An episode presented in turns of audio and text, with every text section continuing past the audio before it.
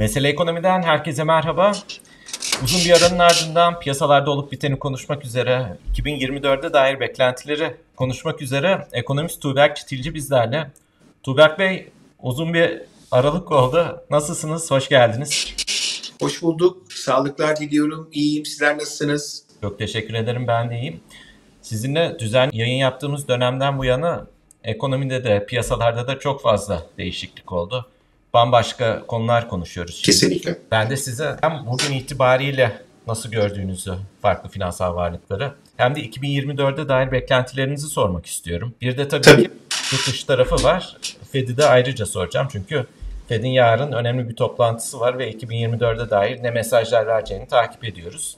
Borsa tarafıyla başlayalım istiyorum. Borsayı sizinle yayın yaptığımız dönemde yukarı yönlü hızlı bir hareket halindeydi borsa. Bir süredir reel anlamda o ivmesini kaybetmiş durumda. Bazı hisseler dönemsel olarak öne çıksa da sizin beklentiniz nedir? Bir taraftan tabii ki borsanın mevcut durumu tartışılıyor. Diğer taraftan yabancılar girer mi girmez mi? 2024'te ne beklemeliyiz? Bunlar da tartışılıyor. Siz ne bekliyorsunuz? Şimdi aslında Sinan Bey burada büyük resimde ilginç bir olay var. Yani e, Türkiye tarafında yakın zamanda e, birçok farklı kurumun hem tahvil dinamiklerinde hem makro dinamiklerde hem mikro dinamiklerde borsa tarafında kur tarafında Türkiye'ye bu kadar pozitif algıda söylem, sosyal medya paylaşımı, rapor olmamıştı. Hani şöyle söyleyeyim, e, bir lobi faaliyeti yapılsa bu lobi faaliyeti karşılığındaki unsurun e, sonuçları bu kadar pozitif olabilir miydi? Kişisel görüşüm açıkçası olmazdı. Ama burada acaba bu kadar pozitif algıya rağmen kurumsal yatırımcıların bizden farklı bildikleri nedir ki bu kadar aşırı iyimser raporlara rağmen Türkiye piyasasına tam istenilen şekilde dahil olmuyorlar. Demek ki bir şey biliyorlar. Veyahut da bir şey bildiklerini ben timing olarak, bir zamanlama olarak öngörüyorum. İşte her ne kadar bildiğimiz maddelerde swap hattının açılması isteniyor, e, swap hattı olmadığından dolayı dahil olunmuyor. İşte e, Merkez Bankası'nın döviz swap ihaleleriyle beraber acaba hani piyasa tarafında olması gereken politika faizi optimal seviyede mi değil mi? İleriye dönük bir reel faiz var. E, ilave olarak da bütün bunları kurumsallar da biliyor. Yabancı yatırımcı da genel ifadeyle belirteyim ama dahil olmuyorlar. Kuvvetle muhtemel 11 Ocak'taki Amerika'daki yatırımcı zirvesinde 2024'ün yol haritasını görmek istiyorlar. Çünkü şu anda Aralıkta bir 250 bas puan daha faiz artışı bekliyorum. Yılı 42,5'ta kapatıyoruz. Hadi e, 40-45 bandında bir politika faizi olacak. Bunda herkes mutabık durumda. E, kur zaten 29 seviyesinde. E, kur tarafında da e, mutabık bulunuyorlar. Ama daha sonrasında e, Mayıs-Haziran gibi kağıt üzerinde enflasyon %75'lerle tepeyi görecek. Yıl sonuna doğru da hani aylık %3'lük bir enflasyondan yıllık %36 biraz daha arttırdığımız %40'lık bir enflasyonla kapanmış olacak. Ama bunu faiz artımına gitmeden nasıl olacak? İşte kurumsal yatırımcı bunu bekliyor ve bir de genel seçimler öncesinde hani acaba e, bir e, fazla borçlanmanın kamu maliyesini bozması şeklinde bazı soru işaretleri var. Herhalde bu timing tarafındaki bu unsurlar bulunuyor ki zaten e, bugün de e, Bloomberg terminaline yansıyan 2024 yılındaki haber akışlarında hani kurumsal ifade ediyor. Çok fazla hasar aldık Türkiye piyasalarında. Hatta başlıkta terminalde işte sütten ağzı yanan yoğurdu üfleyerek yer misali e, gibi biraz onlar tarafında da bir ön yargı var. Şimdi diyecek belki yatırımcılarımız ya hocam neden sürekli kurumsalları anlatıyorsun? Çünkü uygulanan mevcut ortodoks politika ve para politikası kurumsal yatırımcıların dahil olması için. Bize zaten bu yol haritasını 2024 yılı öncesinde yani genel seçimler öncesinde raporlarla belirtirler mi? Politika faizi 40-45 olursa, kur 30-35 olursa e, ve bazı heterodoks politikalardan ortodoksa dönersen biz girişe dahil oluruz dediler. Şu anda para politikası bu patika içinde etkin bir şekilde devam ediyor. Swap hattı bir noktada şu anda Aralık ayı enflasyonu belli bir bantta tutabilmek için açılması mı açılmaması mı? Açılmaması. Ama 2024 yılında bu para politikasının karşılık bulması ve kurumsalların kaynak girişini arttırarak kalıcı ve kaliteli şekilde dahil olmaları için swap hattını açmamanın maliyeti daha fazla. Bütün bu faktörler Borsa İstanbul'u 8000 altında tutuyor.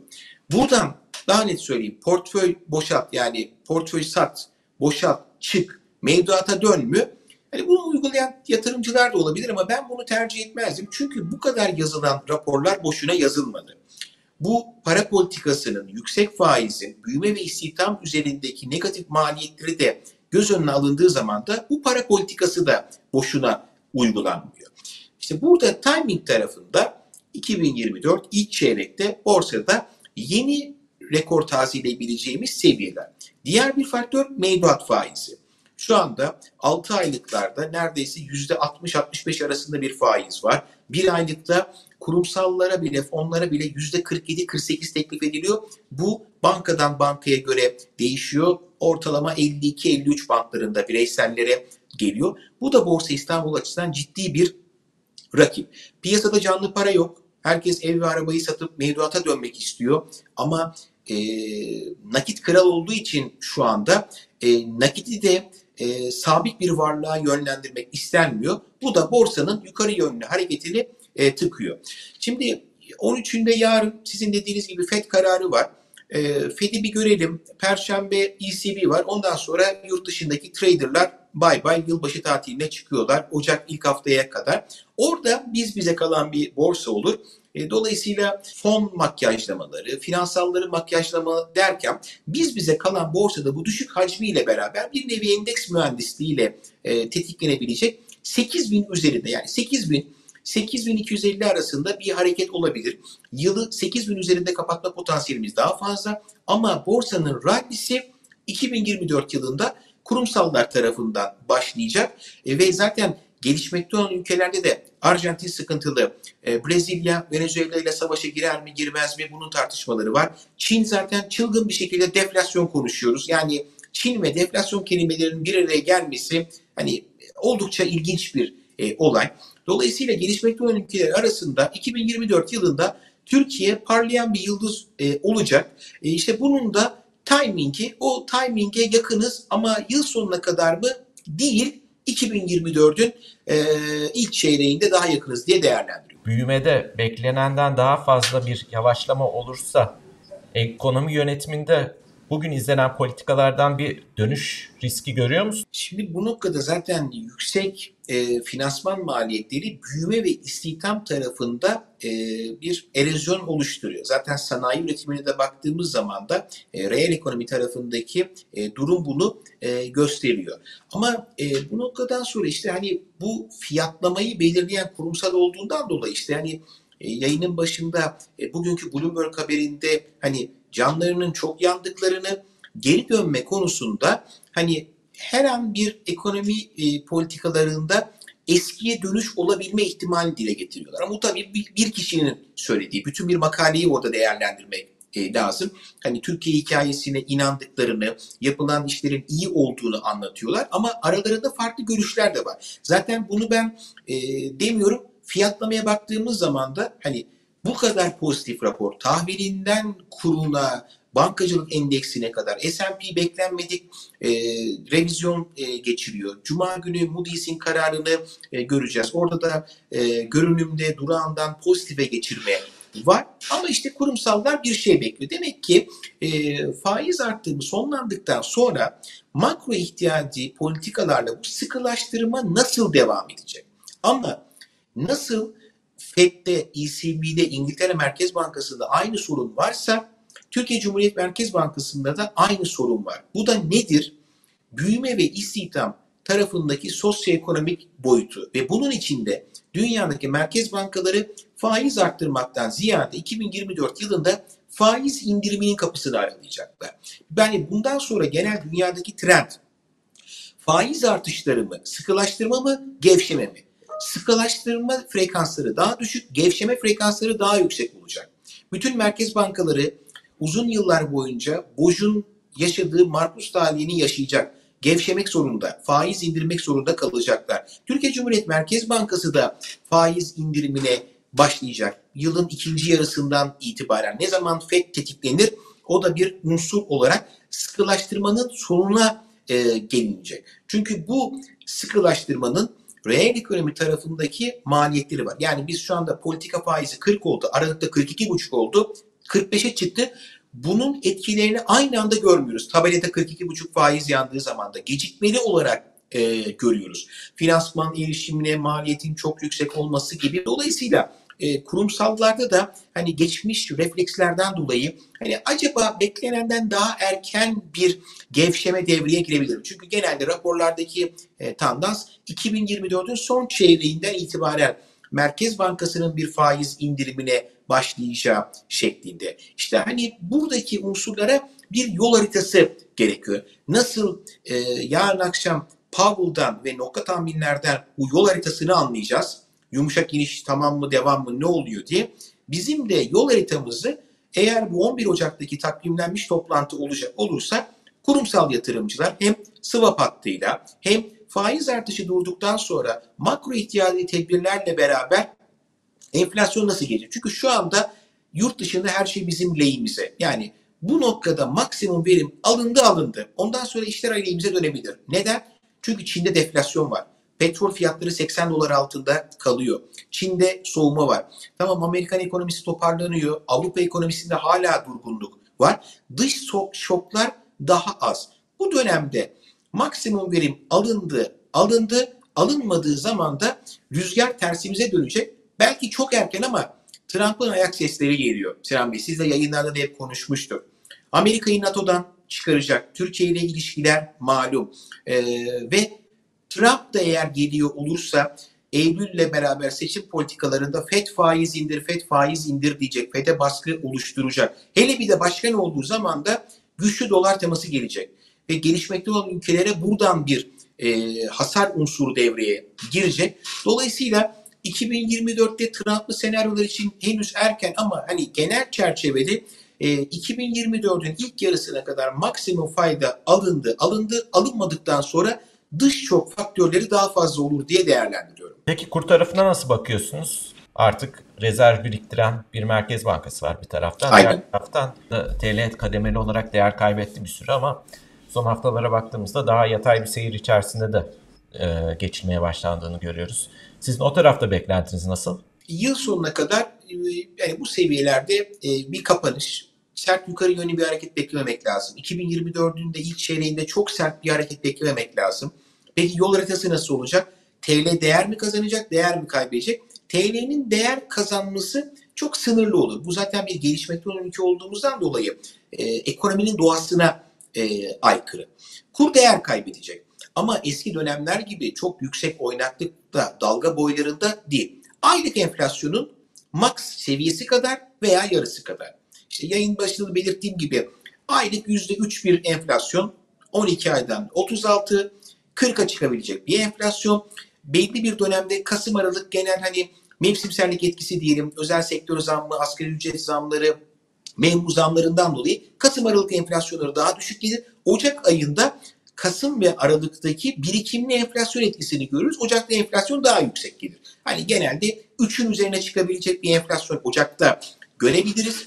Kurda aylık enflasyonun yarısı kadar 1-1,5 bandında belli düşük oynaklıklarla yukarı yönlü bir hareketlenme ivmesi olacak. Kurda kurumsalların istediği tepeyi gördük mü görmedik. Bunları raporlarda 30-35 bantlarında belirtmişti. Hani aylık enflasyon birikimli şekilde de kurun değer kaybı da zaten oraya e, geliyor.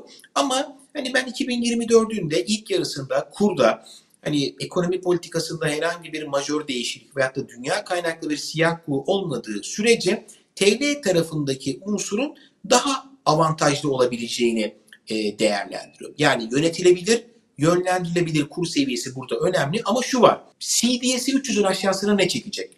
Aslında kurumsallar, kur tarafı da her şeyde bu merak ediyor. Evet önemli bir başarı var.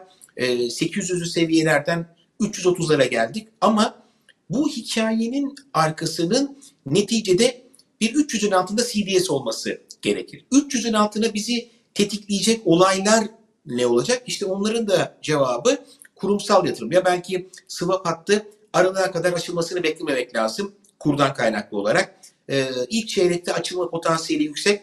BDDK'dan haber gelecek mi gelmeyecek mi? Ama açılırsa kapı maksimum açılma değil, çok sınırlı yani bir e, sembolik bir sinyal verecek şekilde belli limitlerle swap hattı açılmış olacak. Çünkü hep şunu söylüyorum.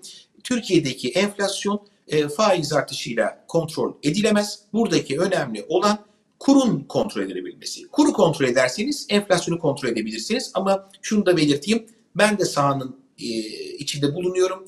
Farkındayım. Enflasyon her ne kadar e, belli düşük adımlarla gidiyor olsa bile de günlük hayatımızda haftalık bazda %1 ile 2 arasında zamlar geliyor. Tabii fiyatlardaki kuruş etkisinden dolayı yani ürünün fiyatı 10.20, 10.65 olduğu zaman da buna karşı bir e, davranışınız ürünü almaktan sizi vazgeçirmiyor. Ama yüzdesel vurduğunuz zaman da ciddi zamlar e, devam ediyor. Bu da piyasanın canlı paraya sıkışması ve finansman maliyetlerine erişim dolayı. Ama şöyle sonlandırayım. E, kurumsal şunu bekliyor. 300'ün altında CDS için ne olacak? Hangi katalist devreye girecek? Ve bu da Borsa İstanbul tarafına, e, ta, e, tahvil tarafına, kur tarafına pozitif yansıyacak. Zaten önce gelirlerse tahvile gelecekler. Tahvilde belli bir o hikayeye satın almış olacak. Tahvilde de yani hemen hemen zirvelere yaklaşıyoruz. Ama zirveye yaklaştık demek tamamen dahil olacaklar değil. Tahvile gelecekler. Oradaki hikayeyi ve aksiyonları görecekler. Ondan sonra Borsa İstanbul tarafına dahil olacaklar. Hem borsaya hem tahvile dahil olmaları da kurun daha sert yukarı yönlü gitmesini engelleyici doğal bir nasıl diyeyim balans mekanizması olacak Sinan Bey. Peki son olarak programı kapamadan önce yarın bütün dünyanın gözünün kilitlenmiş olduğu FED toplantısını sormak istiyorum. Burada Evet. faiz kararı ne olacaktan ziyade Powell ne açıklamalar yapacak, nasıl sinyallerde bulunacak ve Fed üyelerinin 2024'e dair beklentileri, projeksiyonları nasıl şekillenecek? Biz grafiğe baktığımızda ne görüyor olacağız? Bunlar merak ediliyor, tartışılıyor. Piyasaları da etkileyecek olan bunlar aslında. Sizin Kesinlikle. beklentiniz nedir yarından? Yarın pas geçmesi nokta bakalım 2024 yılında bir faiz indirimi sinyali veriliyor mu verilmiyor mu? Powell şunu yapacak. Her ne kadar %2 hedefini vurgulasa bile de hani bu ECB'de de e, FED'de de diğer merkez bankalarında bir %2 böyle bir sihirli bir rasyo var. Ama bunun herhangi bir mantıklı izahı yok. FED şunu söylemiyor. Ben sıfır enflasyona döneceğim demiyor. ECB'de, İngiltere'de, bütün merkez bankaları da. Çünkü dünyadaki aynı sorun. Büyüme ve istihdam. Covid sonrası insanlar hazır paraya alıştı. Büyüme ve istihdam istiyorsan tatlı, kontrol edilebilir bir enflasyon olmak zorunda. Amerika için de %2 ile 3 arasında bir enflasyon devam edecek. Faiz arttırımlarının sonuna gelecekler. Onlar da kuvvetli muhtemel e, bahar aylarında faiz indirimlerine başlıyor olacaklar. Çünkü Amerikan başkanlık seçimleri var. E, diyecek belki denilecek FED bağımsız o bu. Hayır FED bağımsız olmuyor. Tarihsel olarak bakıldığı zaman da e, başkanlık seçimleri öncesinde Fed'in sıkılaşma mı, gevşeme mi döngüleri daha fazla, gevşeme döngüleri daha fazla. Onun için Amerika'da enflasyon da devam edecek. Bu enflasyon Amerika'nın refah için önemli. Evet, Amerikalı şu anda en standart bir işte çalıştığında iPhone'un en iyisini de alıyor, araba da alıyor ama refah anlamında iyileşmesi için enflasyon gerekiyor. iPhone'u yiyemeyecek, kapısının önünde duran arabayı yiyemeyecek. O da gezmek, tozmak, harcama yapmak istiyor. Bunun için de enflasyon e, devam edecek. FED'de de 2024 yılında çok uzun süre sıkılaştırmanın kalıcılığı değil, bahar aylarında faiz indirimi ama yine göreceli zayıf dolar teması. Bu noktada baktığımızda dolar temasındaki zayıflık da e, Trump aday olur mu olmaz mı ama net şunu söyleyeyim Trump aday olduğu zaman da gelişmiş gelişmekte olan ülkelerin vay haline diyeyim güçlü bir dolar teması e, ve Türkiye için de Trump'lı olarak farklı bir senaryoyu konuşuyor oluruz diye düşünüyorum ama tabii e, bunlar için e, daha erken. Ne yapacaksak Trump'a kadar yapalım diyorsunuz. Kesinlikle çünkü Trump'ın aksiyonları zaten belliydi. Bu tabii bu sadece Türkiye açısından değil e, Avrupa ve e, özellikle dünya e, jeopolitik algısı için de önemli. NATO'dan Amerika'yı çıkartabilir. Çin'le ticaret savaşları başlayacak. Alışık olduğumuz Trump'ı yeni dönemde 4 yıl sonrasındaki Trump'ı tam neler yapıp yapmayacağını bilmiyoruz. Hani rüzgar gelişmekte olan ülkelerin tersine dönmeden önce 2024'ün ilk yarısı güzel bir unsur ama hem FED hem ECB 2024 yılında isteseler de istemeseler de gevşeyecekler. Büyüme ve istihdamı politik olarak anlatabilecek bir ortam yok. Büyüme ve istihdam kaybı sürdüğü sürece politika tarafından merkez bankalarına baskı gelecek. Bu belli bir noktadan sonra Türkiye Cumhuriyet Merkez Bankası içinde geçerli olacak. Merkez bankaları bu noktadan sonra hani arada light sıkılaştırmalar ama daha ağır şekilde gevşeme yapmak zorunda kalacaklar diye tamamlayayım Sinan Bey. Tuğberk Bey çok teşekkür ederim. Gerek Türkiye'ye gerek dünyaya hızlı bir şekilde ele aldık. 2024'e dair beklentileri konuştuk. Çok sağ olun yayınımıza katıldığınız için. Ben teşekkür ediyorum. Herkese sağlıklar diliyorum. Güzel, sağlıklı bir 2024 yılını temenni ediyorum.